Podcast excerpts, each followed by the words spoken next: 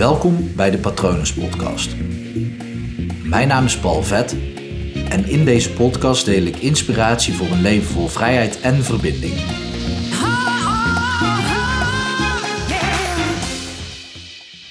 Maak je niet druk, het leven is al druk genoeg. En ik, eh, ik moet eerlijk zeggen dat ik een beetje in een melige bui ben, maar ehm, ja, het leven is al druk genoeg, dat is één. Maar ook, ja, maak je niet druk. Er zijn zoveel dingen waar mensen zich druk over maken. Ik ook hoor. Ik trap soms nog steeds in die valkuil, maar vroeger helemaal.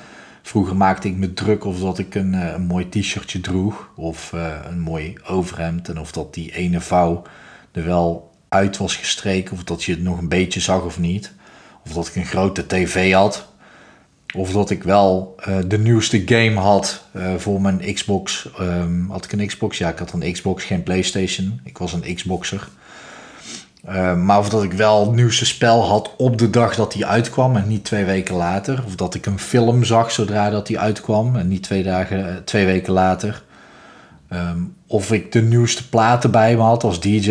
De, het publiek nou ja, sommige liefhebbers wel, maar de meeste mensen die interesseerden zich daar niet voor. Als ze maar gewoon vette muziek draaiden. Um, of dat ik uh, de nieuwste Nike Max had. Dat soort dingen allemaal. Of druk maken over wat iemand van me vond.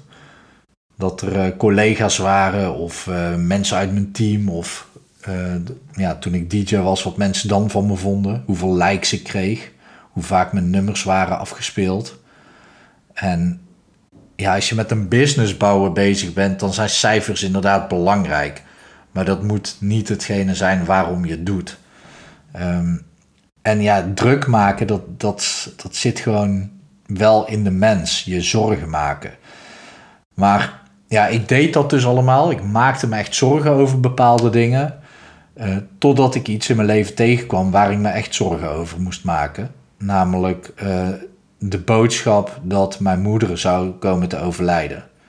Dat is een arts dan, die moet een slecht nieuwsgesprek beginnen. En dat doet hij gewoon door te zeggen: Ik heb slecht nieuws. Um, dit is er aan de hand. U heeft een tumor, die zit daar. En die kan door middel van een operatie niet verwijderd worden. Wat dus inhoudt dat u nog maar uh, een x aantal tijd te leven heeft. En in dat geval gaf hij meteen aan: er staat ongeveer een jaar voor. Dat een slecht nieuwsgesprek wordt uh, gebracht. Volledig vanuit het hoofd, want ja, het heeft weinig nut om uh, met elke patiënt mee te gaan huilen. Uh, ja, ik vind het wel knap hoe artsen daarmee om kunnen gaan. Um, maar op, zo'n moment dat zo'n boodschap dus aankomt, voor een arts is dat zo vanuit het hoofd gesproken, maar ik zat daar alleen met mijn moeder. En het was gewoon, oké, binnen een jaar is ze dood. Punt dan is er ook stilte, want ja, wat valt er dan nog te zeggen? Wat is er dan nog belangrijk?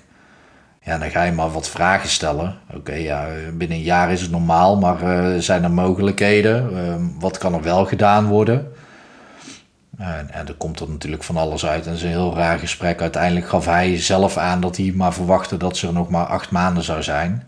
Sterk en eigenwijs als mijn moeder is, dat zit in, uh, in mijn bloed dus ook, uh, is ze er nog anderhalf jaar geweest.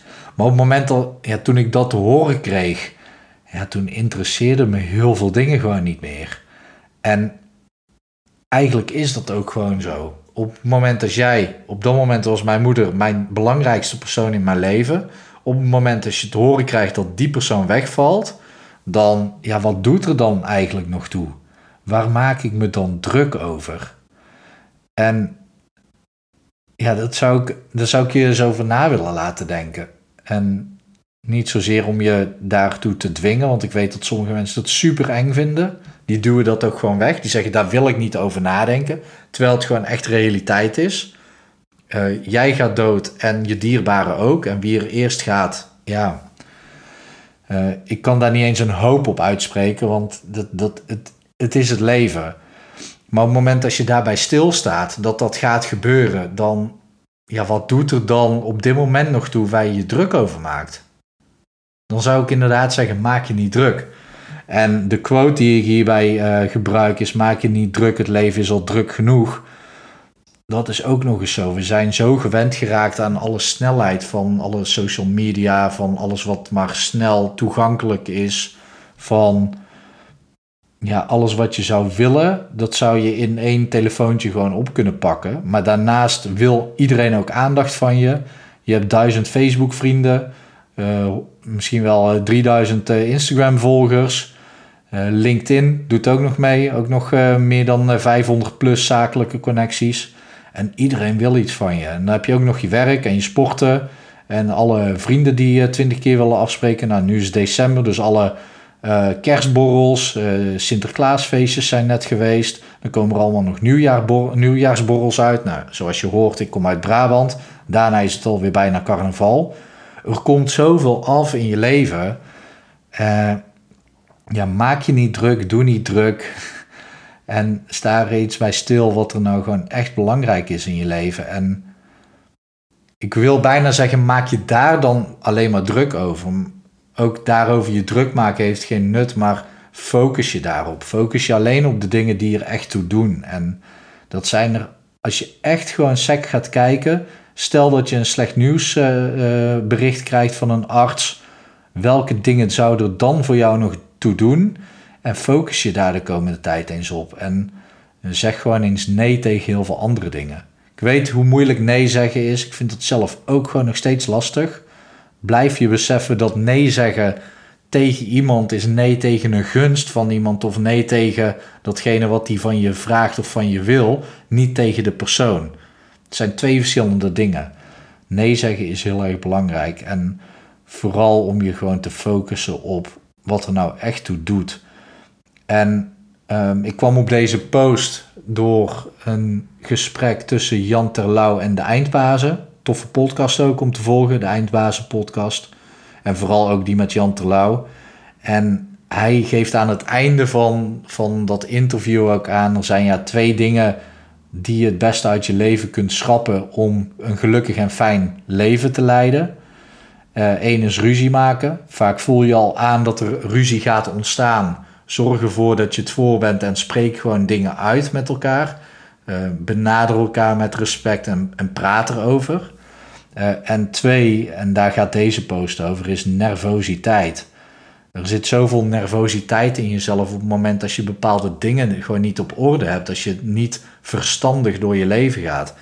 En ik weet wel dat het tegenwoordig meer van go with the flow is en we zien het allemaal wel. En natuurlijk moet je ook gewoon buiten je comfortzone gaan, omdat daar de magic happens. Maar ja, ik heb het al eerder gezegd, maak een keuze op basis van gevoel en voer de beslissing uit met je hoofd. Dus wees verstandig en wees voorbereid. Dan heb je opeens een heel stuk minder nervositeit in je lijf. En dan kan je dus leven onder, uh, of met het motto: maak je niet druk, het leven is al druk genoeg. Ik ben benieuwd waar jij je op gaat focussen. Mocht je dit uh, moeilijk vinden, laat het me weten via patronen.palvet.com. Zou het leuk vinden om van je te horen. Uh, praat ook mee via Instagram. Onder de naam Paul Vet kun je me vinden. En je kan natuurlijk ook gewoon even terecht op mijn website voor alles wat ik doe. Ik weet niet wanneer je dit luistert, dus kijk maar gewoon op de website. Dan weet je wat ik op dat moment aan te bieden heb of waar ik je blij mee kan maken. Uh, dat is gewoon www.paulvet.com. Ik hoop dat alles goed met je gaat en ik wens je een mooie dag toe. Hi.